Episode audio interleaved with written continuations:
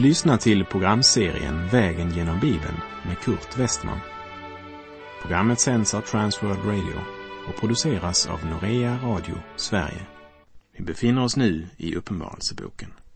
Slå gärna upp din bibel och följ med. På vår vandring Vägen genom Bibeln så har vi kommit till det trettonde kapitlet i Johannes uppenbarelsebok. Och även inför vilddjuret som stiger upp från havet och vilddjuret som stiger upp ur jorden råder det ytterst delade meningar mellan de olika bibelkommentatorerna. Och det finns nästan lika många tolkningar som vad det finns kommentarer. Och jag ska inte med bestämdhet säga att det är så, men mycket tyder på att det första vilddjuret är Antikrist personligen, som härskar över det återuppresta romarriket. Och i Uppenbarelseboken 16, vers 10 talas om vilddjurets tron och dess rike. Och på vilddjurets tron måste det ju sitta någon, och det är vilddjuret som har trätt fram. Och han vore ju ingen härskare om han inte hade ett land eller flera länder som han härskade över. Och är det första vilddjuret Antikrist så blir det därmed lättare att identifiera det andra vilddjuret som är den falske profeten. Den religiöse ledaren som vilseleder människorna att tillbe det första odjuret, Antikrist.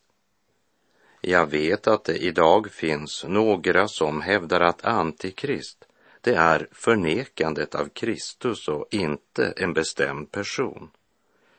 Vilket betyder att man anser Antikrist snarare vara falska doktriner än en person som ännu inte öppet har trätt fram. Och då har man sannolikt tagit utgångspunkt i ordet anti, vars första betydelse är emot det vill säga att vara emot något. Men ordet anti kan också betyda istället för, det vill säga en ersättning. Och ordet anti har båda betydelserna i skriften. Både i sitt första och sitt andra brev så nämner Johannes Antikrist. Och Johannes är den ende som använder det uttrycket. Vi finner båda dessa kännetecken i Antikrist. Han är den som är emot Kristus och den som efterapar Kristus. Han kommer som vargen klädd i fårets klädedräkt. Med andra ord, han har en falsk fasad. I Johannes första brev kapitel 2, vers 18 och 19 skriver Johannes Kära barn, den sista tiden är här och liksom ni har hört att Antikrist skall komma så har redan nu många antikrister trätt fram. Av detta förstår vi att den sista tiden har kommit. Från oss har det utgått, men det hörde aldrig till oss. Och det sa Johannes för nästan 2000 år sedan så vi har levt i den sista tidsåldern sedan Kristus fullbordade sitt frälsningsverk. Och lägg märke till att Johannes säger att det ska komma en som är antikrist. Men redan på Johannes tid hade det trätt fram många förelöpare till antikrist. Och vad var det som kännetecknade dem som också kännetecknar antikrist själv? I Johannes första brev kapitel 2, vers 22 står det. Vem är lögnaren om inte den som förnekar att Jesus är Kristus? Den är antikrist som förnekar Fadern och Sonen. Antikrist förnekar Kristi gudom. Han är emot Kristus. Han är Kristi fiende på jord. Och i Johannes första brev kapitel 4, vers 1 till och med 3 ger Johannes ytterligare information angående Antikrist. Mina älskade, tro inte alla andar utan pröva andarna om det kommer från Gud. Ty många falska profeter har gått ut i världen. Och i första Johannes brev 4, vers 3. Och varje ande som inte bekänner Jesus, han är inte från Gud.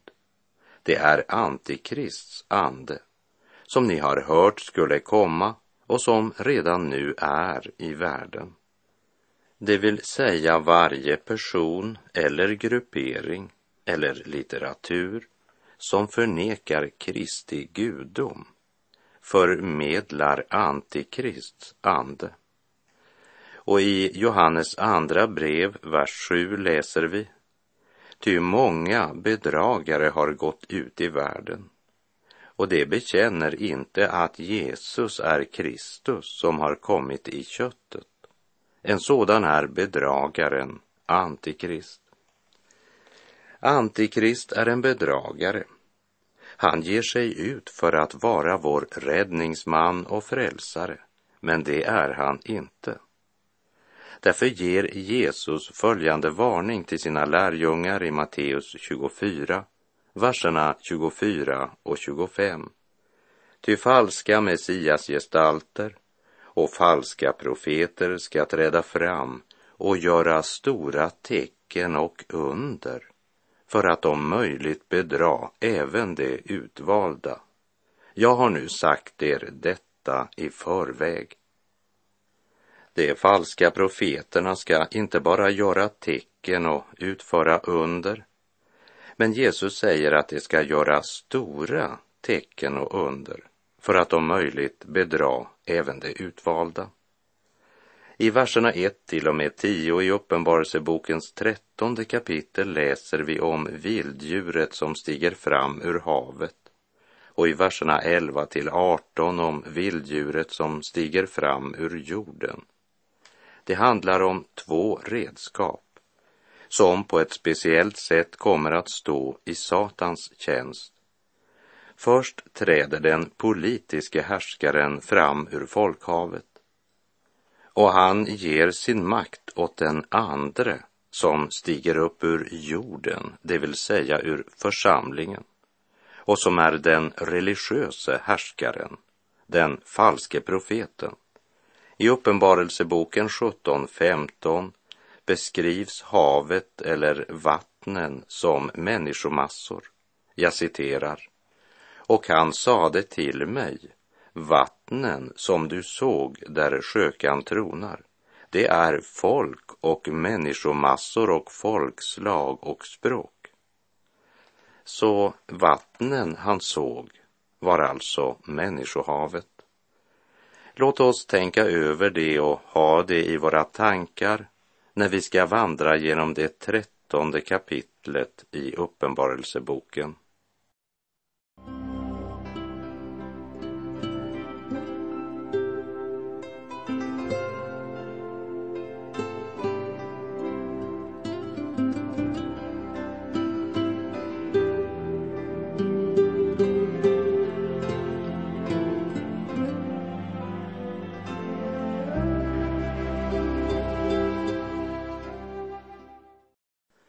Läser Uppenbarelseboken 13, vers 1. Och jag såg ett vilddjur stiga upp ur havet. Det hade tio horn och sju huvuden och på sina horn tio kronor och på sina huvuden hädiska namn. Ur folkhavet stiger detta vilddjur fram med politisk makt. Ja, ur det stormande folkhavet kallar Satan fram denna person. Det är bedragarens mästerverk vid tidens ände. När denna person förenar folken i många riken till det maktcentra som ska vara hans framtida plattform. Och likt den ande som låg bakom byggandet av Babels torn hade människan i centrum och trodde att man med förenade krafter och sin mänskliga visdom kunde bygga ett torn vars spets skulle nå helt upp till himlen. Målet var att upphöja sig själva, skapa sig ett namn. Jag citerar Första Mosebok 11.4.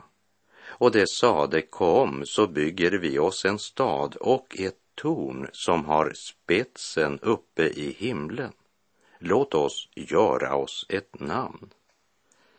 Den mänsklighet som förkastat Gud och evangeliets budskap gör antingen sig själva till Gud eller tillber någon annan människa som Gud.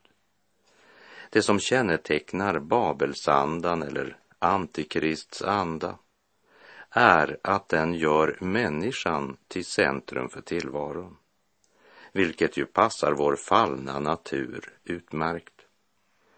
Folkhavet är det element ur vilket Antikrist träder fram. Och det är i detta folkhav han har sitt maktområde. Och Paulus, han kallar honom för laglöshetens människa och fördärvets son, som vi läste i Andra Thessalonikerbrevet 2, vers 3. Han ger sig ut för att vara Kristus och efterapar honom på många områden likt Jesus stod fram som en enkel okänd man av folket, stiger Antikrist upp ur folkhavet som en okänd man som visar sig ha förmågan att trollbinda publiken med sitt tal. Jag säger medvetet publiken, för Antikrist är ingen herde bara en bedragare som imponerar på folket med sin otroliga föreställning. Den politiska makten blir hans estrad. De tio hornen talar om makt och de tio kronorna om upphöjelse och tillbedjan. Det är något övernaturligt med hans storhet. Något övermänskligt gudomligt med sju huvuden. Men huvudet är inte präglat av Kristi sinnelag. Det är inte tjänaresinnet, men härskaresinnet, egoismen, maktbegäret som döljer sig bakom fasaden. Hela hans väsen är en hädelse mot den korsfäste och uppståndne. Ändå låter mänskligheten lura sig och massorna ger honom sitt bifall. Han ger sig ut för att vara frälsaren, men det är inte lammet, lejonet av Juda, utan han har vilddjurets kännetecken. Vi läser Uppenbarelseboken 13, vers 2. Vilddjuret som jag såg liknade en leopard och det hade fötter som en björn och ett gap som ett lejon. Och draken gav det sin makt och sin tron och stor myndighet. Johannes ser bakom fasaden. Han ser leoparden, det smidiga rovdjuret som snabbt kan överraska sitt byte. Och Johannes ser björnen vars starka ramar brutalt slår sitt byte till marken. Och där de förförda människorna bara hör hans smickrande ord ser Johannes lejonets gap, det mest fruktansvärda gapet av alla rovdjur. Men han visar inte ännu sitt sanna ansikte. Paulus skriver i Andra Thessalonikerbrevet 2, vers 9 att den laglöses ankomst är ett verk av Satan och sker med stor kraft, med lögnens alla tecken och under. Ett av de tecken med vilka Antikrist skall förföra är att han ser ut som om han slaktats men återuppstått. Uppenbarelseboken 13.3. Ett av dess huvuden såg ut som det hade blivit slaktat och dödat, men dess dödliga sår hade läkts. Hela jorden förundrade sig över vilddjuret och följde efter det. Vilddjuret ger sig ut för att ha makt över döden. Inte undra på att hela världen är begeistrade och villigt följer honom när han erbjuder människorna korsets kraft utan korsets smärta. Skådespelets höjdpunkt, det är att han kan visa fram dödssåren. Och när han som till synes är död förmår resa sig igen är mänskligheten redo att tillbedja. Det är inte skrifternas Kristus, men vad betyder väl det när ingen känner skriftens vittnesbörd? Han är ju övernaturlig, spännande och positiv. Och så har han ju dödsåren, men lever. Ja, men det är klart att det är räddningsmannen. Hela jorden förundrade sig över vilddjuret och följde efter det. Men låt oss nu verkligen lägga märke till vad det står i vers 3. Ett av dess huvuden såg ut som om det hade blivit slaktat och dödat, men dess dödliga sår hade läkts. Det står inte att han hade blivit slaktad och dödad. Det står att det såg ut som om han hade blivit slaktad. Och det är nog för den mänsklighet som förkastat sanningen och som är så upptagna av hur en sak ser ut. Image och design är det två avgudar som i vår tid förbereder människohjärtarna för Antikrist ankomst. Det är det synliga som är viktigt. Människan utan Gud, makten utan Gud, världen utan Gud blir inget annat än ett djur, säger Hartenstein. Och när Satans tjänare framträder som en ljusets ängel blir världen imponerad.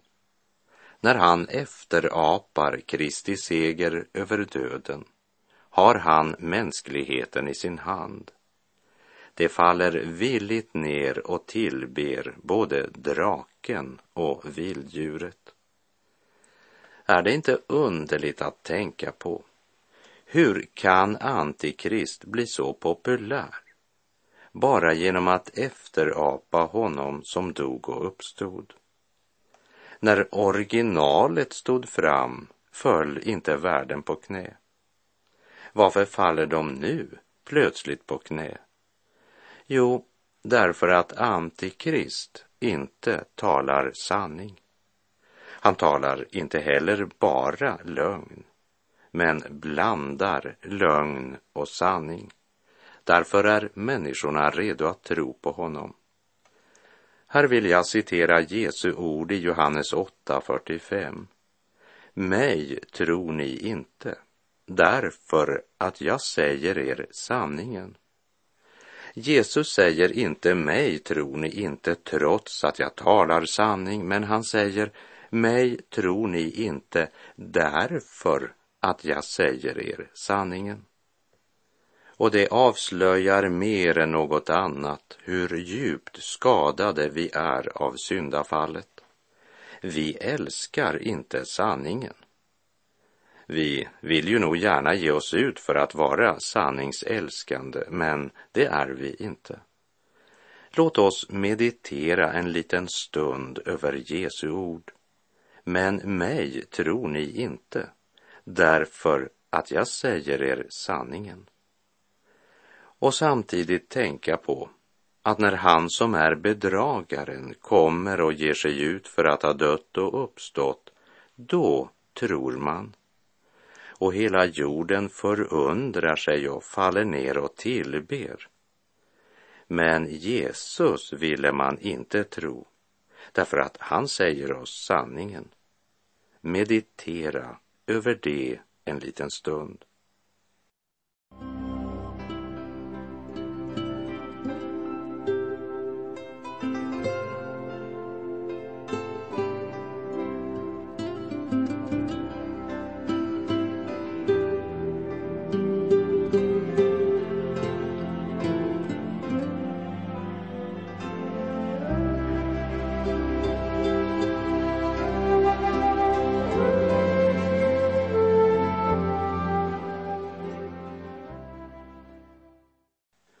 Vi läser Uppenbarelseboken 13, vers 3 och 4. Ett av dess huvuden såg ut som det hade blivit slaktat och dödat, men dess dödliga sår hade läkt. Hela jorden förundrade sig över vilddjuret och följde efter det, och man tillbad draken, därför att han hade gett sin makt åt vilddjuret. Och man tillbad vilddjuret och sade, vem är som vilddjuret och vem kan strida mot det? Antikrists djävulska efterapande av uppståndelseundret gör honom trovärdig bland många som hittills varit tveksamma. Hela jorden förundrade sig, står det. Här har vi alltså honom som lyckats föra alla riken och nationer under en härskare. Hur kan så många föras vilse så lätt? Därför att det finns ingen kunskap om Gud. Ofta är det väl också väldigt lite kunskap i Guds ord hos många bekännande kristna. Och det lilla man vet, det har man anpassat efter sina egna tankar och önskningar. Hör vad som är Paulus bön för de troende i Efesus. Efeserbrevet 1, 17. Jag ber att vår Herre Jesu Kristi Gud, härlighetens fader, ska ge er vishetens och uppenbarelsens ande så att ni får en rätt kunskap om honom.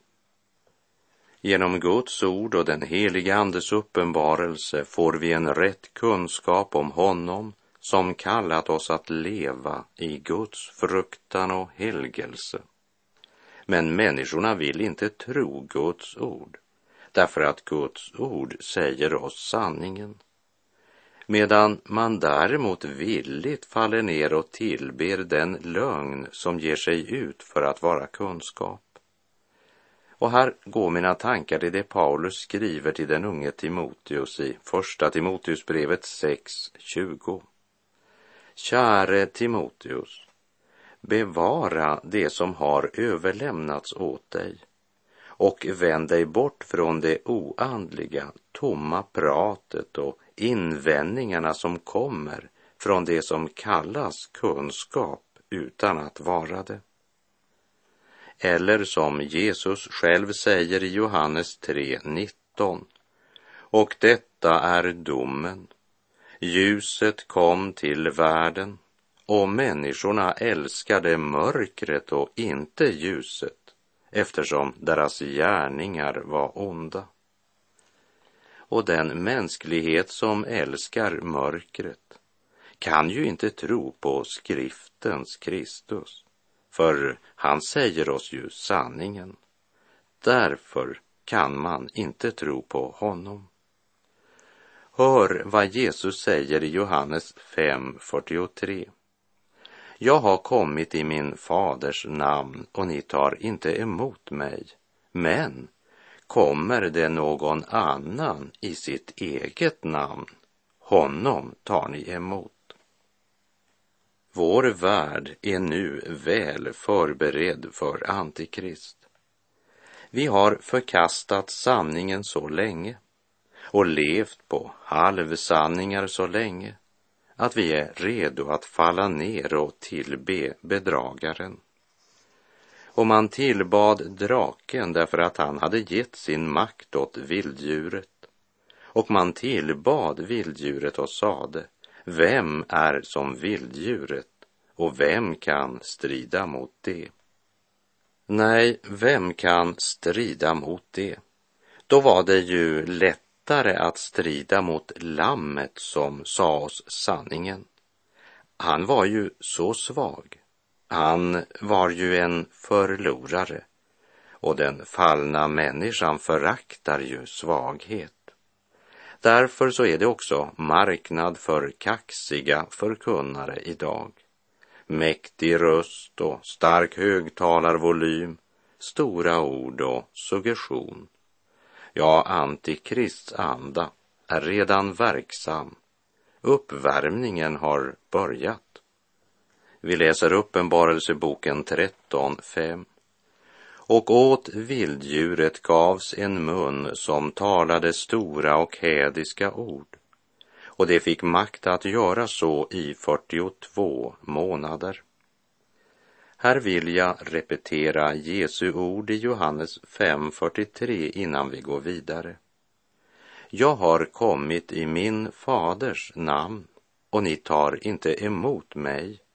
Men kommer det någon annan i sitt eget namn, honom tar ni emot.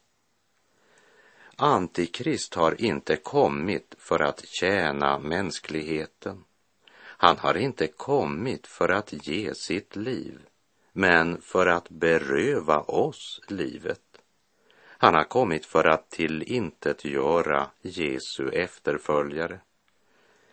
Och mitt i en gudlös kultur fyller han människans religiösa behov. Han visar till sårmärken och låter oss tro att han har övervunnit döden. Han gör stora under och tecken. Och eftersom människan älskar sensationer och det spektakulära så blev den föreställningen en fullträff. Hela jorden förundrade sig över vilddjuret och följde efter det. Och berusad av denna medgång börjar vilddjuret att håna Gud och allt som är heligt. Och det är Satan, mörkrets makt, som är inspirationskällan. Lägg märke till att det står och åt vilddjuret gavs en mun som talade stora och hädiska ord. Samtidigt som det talar om att det är en andemakt som står bakom vilddjuret så ligger i ordet gavs också betydelsen att det är Gud som håller i tyglarna och att Satan inte har makt att göra något som inte Gud har tillåtit. Vilddjuret gavs friheten att tala stora och hädiska ord. Och det imponerar på en fallen mänsklighet som älskar lögnen. Paulus skriver så här i Andra Thessalonikerbrevet 2, vers 3 och 4. Låt ingen bedra er på något sätt.